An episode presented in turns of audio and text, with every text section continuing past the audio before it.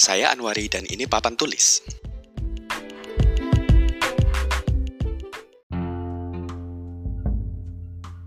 Sebagian besar di antara kita suka membicarakan masa depan. Pernah mungkin kita menghabiskan waktu berjam-jam sendiri atau bersama teman sejawat membicarakan, membayangkan, melihat masa depan yang akan datang. Dengan akal yang kita punya, tak jarang kita memprediksi apa yang akan terjadi. Seperti apa yang akan terlihat, menimbangnya dan memikirkannya dengan banyak hal yang kita pelajari dan alami.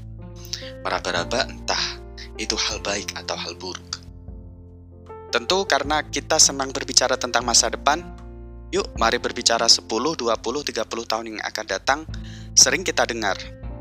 Hampir di segala bidang dan segala level, ekonomi sampai pendidikan, personal, rumah tangga sampai urusan bersama. Dan sebagian besar di antara kita juga mendefinisikan masa depan itu dalam jangka waktu yang panjang. Satu dekade ke atas, bukan satu minggu, satu bulan, atau enam bulan. Sering juga kita coba berbicara jangka panjang, banyak juga di antara kita yang saya senang dengan cara, cara pandang yang jauh mendatang. Tetapi boleh tidak kita berbicara enam bulan atau satu tahun yang akan datang saja?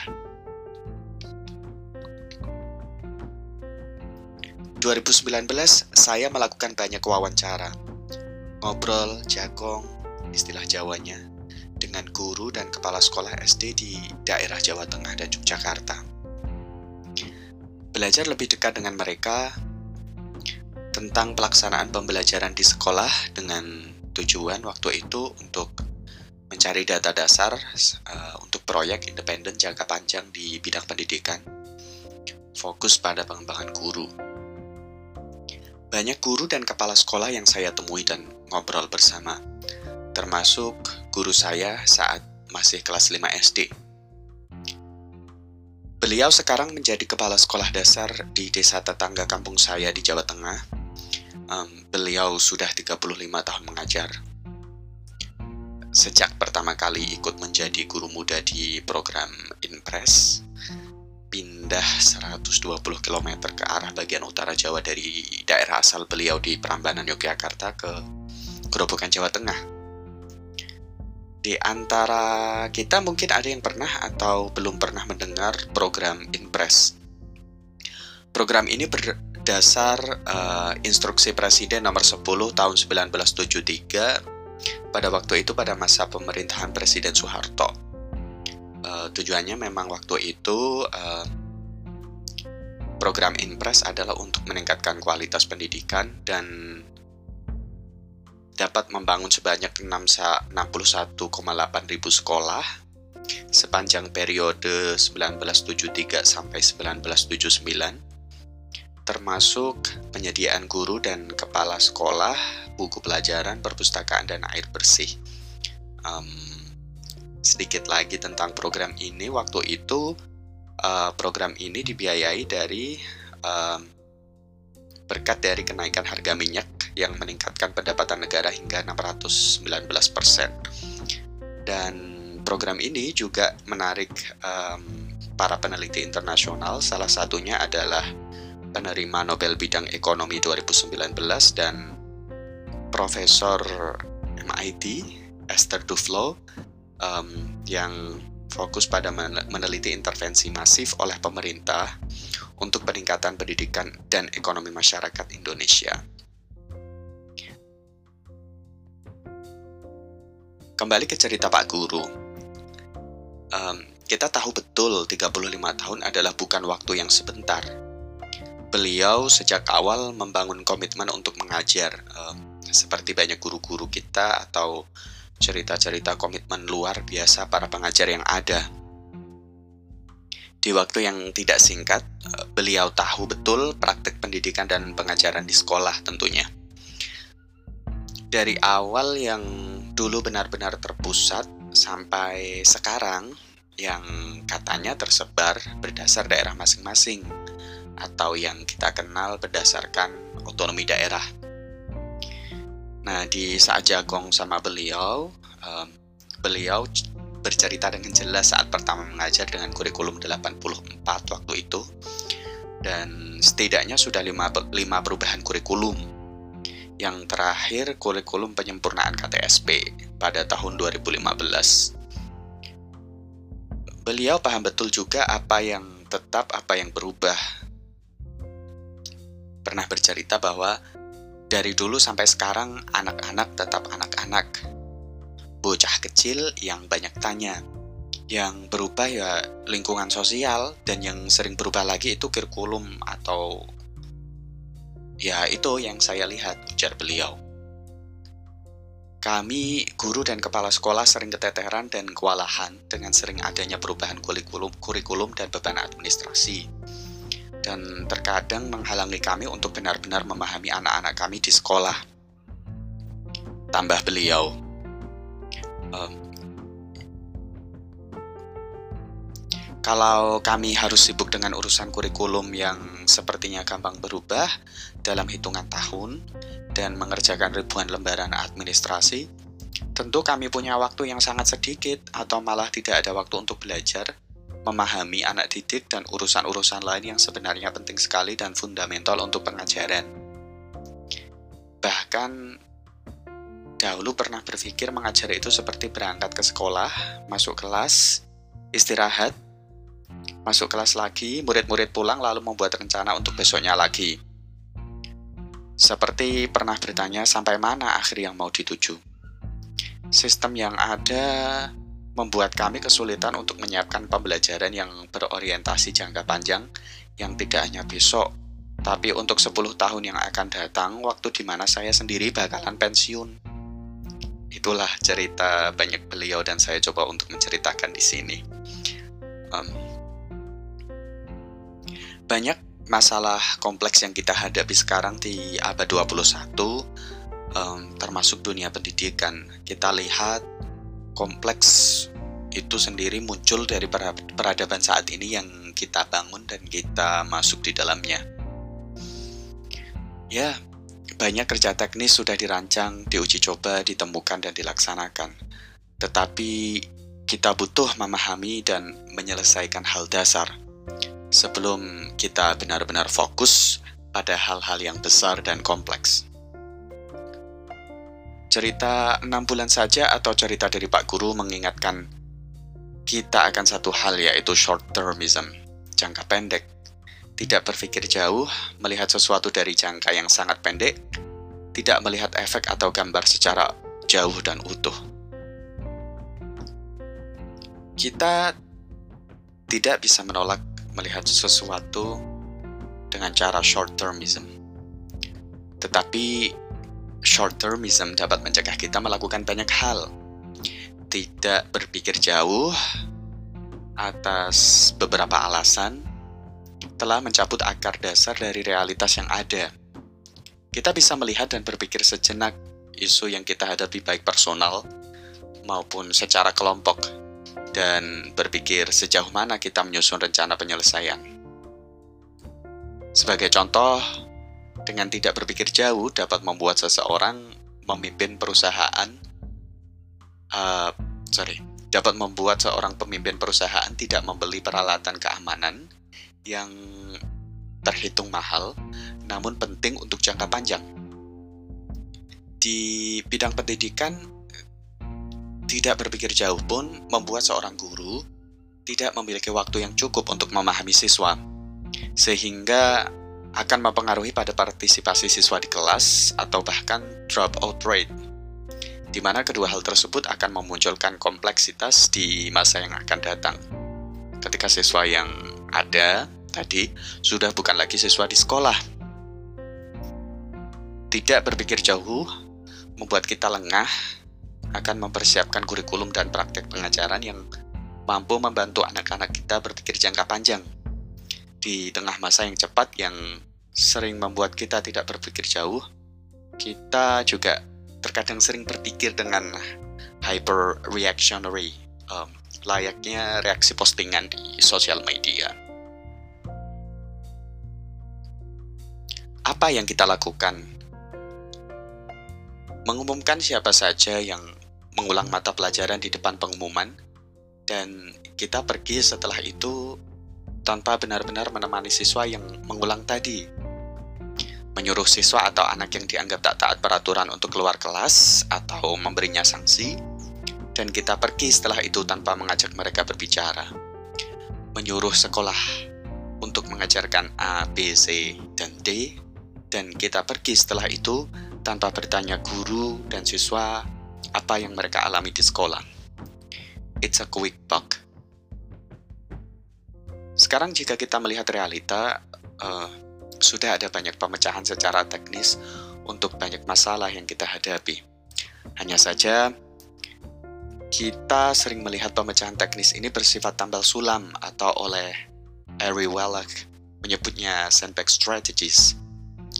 Um, sandbag strategy sendiri um, kita bisa analogikan dengan ketika badai atau hujan lebat um, tanggul jebol dan tidak ada pihak yang mau membangun atau menangani tanggul jebol itu karena keterbatasan dana, maka untuk menahan banyak air agar tidak menggenangi rumah, tumpuklah karung isi pasir sebagai tanggul kecil mengelilingi rumah.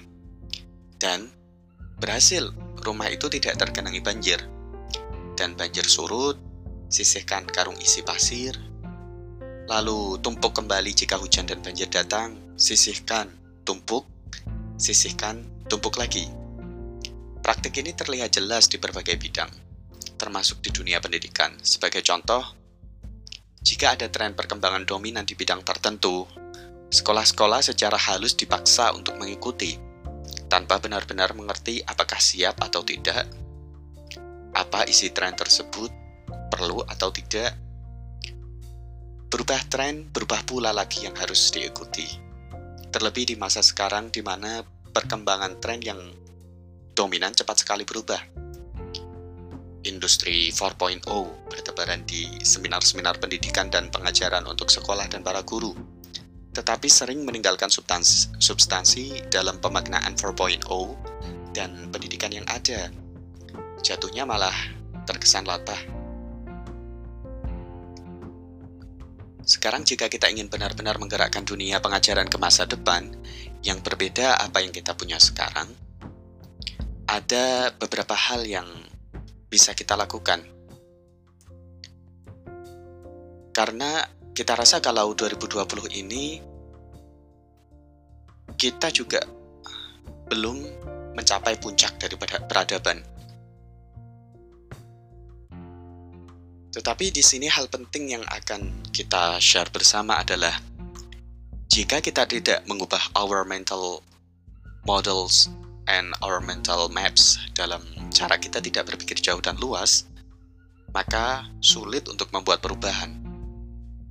Cerita enam bulan saja atau cerita Pak Guru mengingatkan saya pada salah satu pada salah satu model berpikir yang dikembangkan oleh Eric Wallach American futurist sekaligus uh, strategic analyst yang ia sebut dengan long path. Dan model berpikir ini sebenarnya bisa kita adaptasi sebagai upaya dalam membangun konsep um, awal membangun pendidikan yang dilandari dilandasi dengan um, visi jangka panjang untuk menciptakan pendidikan publik uh, yang siap untuk 30, 40, 50 tahun lagi yang akan datang. Long path sendiri adalah sebuah praktek dan bukan sebuah one and done exercises. Tetapi sebuah proses di mana kita harus memikirkan kembali penuh um, etika berpikir kita melalui cara yang berbeda untuk setiap keputusan besar yang kita susun atau kita kerjakan. Jadi long path sendiri memiliki tiga poin utama dalam cara berpikir dasar, yakni berpikir lintas generasi, berpikir ke depan, dan berpikir sejati atau telos thinking. Berpikir lintas generasi atau transgenerational thinking, um, ada hal menarik yang bisa kita lihat dari para pemikiran filsuf yang dituangkan dalam banyak karya. atau bagi kita yang tumbuh besar di daerah dengan budaya Jawa yang kuat, mungkin di antara kita pernah belajar dan pernah mendengar karya seperti Tembang Mocopat. Hal menarik itu adalah bahwa karya-karya filsuf menggambarkan waktu lahir sampai detik ajal as a single lifespan sebagai waktu untuk berbuat dan menciptakan hal baik. Dan di rentang waktu hidup itu juga bagi sebagian besar di antara kita, kita anggap sebagai how to do something good in the world is if we do it between our birth and our death. Itu yang kita tahu. Makanya ketika kita ke toko buku dan di bagian self-help book yang kita temukan adalah buku-buku tentang kita sebagai individu as a person. Berpikir dahulu dengan melihat diri kita sendiri itu bagus, sampai ketika kita menghadapi beberapa isu yang besar. Dengan berpikir lintas generasi yang mengutamakan etika lintas generasi, kita mampu memperluas cara kita berpikir akan isu-isu besar yang ada yaitu peran apa yang dapat kita lakukan untuk ikut serta memecahkan isu-isu besar tersebut. Jika di antara kita mempunyai anak atau keponakan atau anggota keluarga lainnya yang masih kanak-kanak, kita mungkin sering melihat mereka tidak mau diam dalam tanda kutip, merengek, dan menangis secara tiba-tiba. Di saat seperti sekarang di mana hampir semua orang dewasa memiliki smartphone, dengan mudah kita menemukan orang tua yang memakai sandbag strategy untuk menenangkan anak yang tadi tak mau diam atau menangis. Sering kita dengan mudah juga mengambil gawai kita, buka lalu klik aplikasi YouTube lalu play lagu anak-anak, Frozen, Thomas, atau tokoh kartun yang lain, dan kita beri mereka tontonan di gawai agar mereka tenang. Tetapi kita juga pernah berhenti lalu mengajak bicara si anak yang merengek tadi, engage them in conversation. Dua hal yang berbeda dan yang membedakan adalah transgenerational thinking gap. Yang kita lakukan ketika mengajak anak-anak bicara adalah apa yang terkait tentang etika lintas generasi. Yang kita lakukan sekarang, tetapi memberi mereka pelajaran yang akan mereka gunakan untuk berinteraksi dengan anak mereka, lalu anak mereka, lalu anak mereka. Inilah contoh mudah untuk memahami transgenerational thinking. Jika kita memiliki tanggung jawab dalam membangun kebijakan untuk pendidikan, pengajaran, dan kurikulum, tentu kita perlu memasang cara berpikir dari sudut pandang, sudut pandang generasi yang akan menggunakan atau akan mewariskan kebijakan ini ke generasi selanjutnya. Sama halnya juga jika kita menjadi guru, orang tua, dan menduduki posisi yang tidak secara langsung memiliki hubungan dengan pengajaran dan pendidikan publik yang kita miliki, kita juga perlu menaruh bukan hanya pada diri kita sendiri, tetapi taruh juga pada generasi selanjutnya untuk bisa belajar. Yang kedua, berpikir ke depan, future thinking.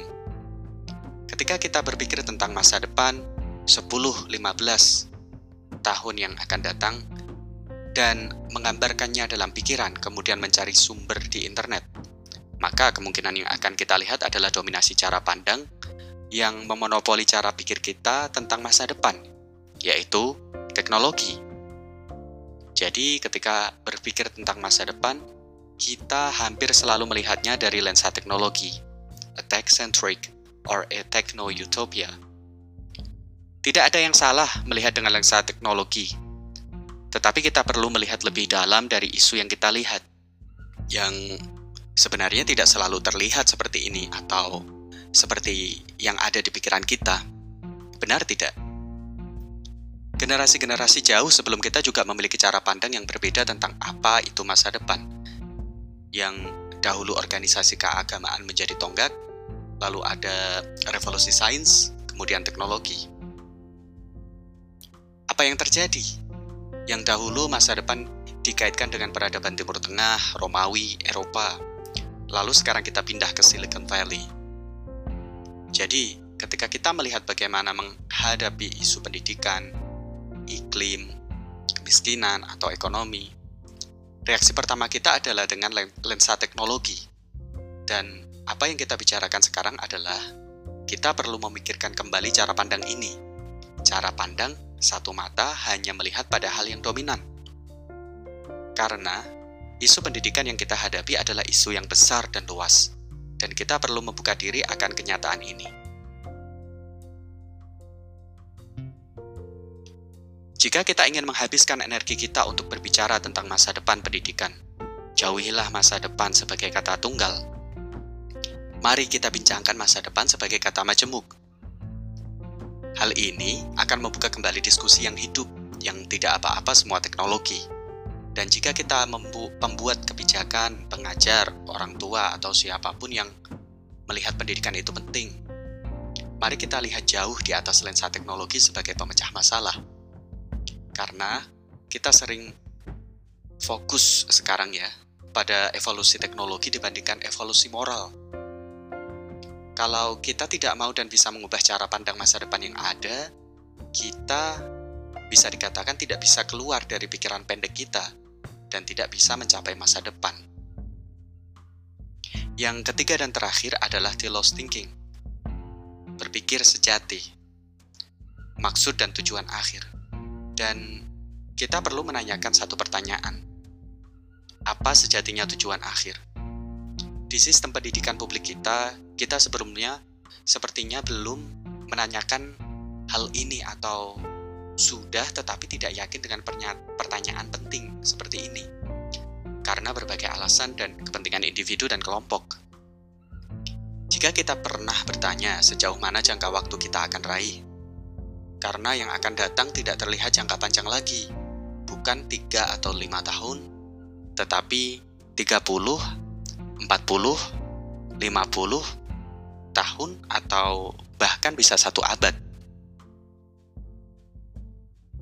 Jika kita membangun sistem pendidikan yang lupa dengan tujuan akhir, maka kita seperti kehilangan arah atau kita melaksanakan sistem pendidikan yang sepertinya berjalan, tapi tidak berjalan ke mana-mana. Mungkin kita lupa dengan tujuan akhir sistem pendidikan publik yang benar-benar mencerdaskan kehidupan generasi ke generasi ke generasi. Kita lupa menuangkannya dalam rencana jangka, jangka panjang dan kurikulum yang kita setujui bersama, bukan oleh sekelompok orang saja. Kita bisa menilai sendiri apa yang terjadi. Toh kita semua juga pernah sekolah dan masuk ke sistem pendidikan publik yang ada, atau bahkan sekarang bekerja di bidang pendidikan. Jika kita melihat kembali di Kamus Besar Bahasa Indonesia, masa depan kita definisikan sebagai kata benda. Tetapi penting bagi kita bahwa masa depan juga perlu kita lihat sebagai kata kerja. Dan definisi kata kerja ini membutuhkan aksi dan diri kita untuk masuk terjun ke dalamnya. Masa depan bukan sepenuhnya sesuatu yang benar-benar di luar kendali kita memiliki peran apa yang akan terjadi di masa depan. Tetapi di masa yang serba instan ini, kita sering berpikir tidak memiliki peran sama sekali. Kita seperti terjebak, yang sebenarnya kita bisa keluar dari jebakan yang kita pikirkan itu sendiri. Kita bisa agak lebih nyaman bahwa di suatu saat kita tidak bisa melihat masa depan yang tak pasti itu dengan cara berpikir yang kita bicarakan melalui podcast ini, setidaknya membuat kita juga lebih nyaman lagi meninggalkan generasi setelah kita menghadapi masa depan tanpa menghujat generasi sebelumnya karena memiliki punya pikiran yang pendek. Benar, kita perlu memikirkan ini jauh ke depan. Di sistem pendidikan yang kita jalankan sekarang, kita perlu bertanya, what is our education long path? Pertanyaan ini perlu kita dorong, berdasar peran kita masing-masing tentunya. Dari masa lalu ke jangka panjang. Seperti apa jangka panjang pendidikan kita 3 tahun, 5 tahun, dan lebih jauh lagi. Dengan mendorong masa lalu dan apa yang terjadi pada pendidikan kita sekarang, dengan pertanyaan long path tadi, kita bisa menciptakan hal-hal yang lebih dari apa yang kita pikirkan akan kemungkinan-kemungkinan. Lagi-lagi, kita bisa belajar dari Finlandia yang sudah dari tahun 70-an menanyakan pada diri mereka sendiri tentang seperti apa jangka panjang pendidikan publik mereka. Dan mereka pelan-pelan menggunakan pertanyaan mendasar ini untuk membangun pendidikan publik yang mereka miliki. Ya, kita memiliki permasalahan besar dan kompleks. Dalam hal ini, pendidikan publik yang menjadi hak dasar kita sebagai warga negara. Dengan berpikir yang mendasar dan jauh ke depan, kita bisa membuat perbedaan yang lebih baik. Saya yakin kita sedang mengarah ke jangka panjang itu. Dan I believe in you guys. Terima kasih.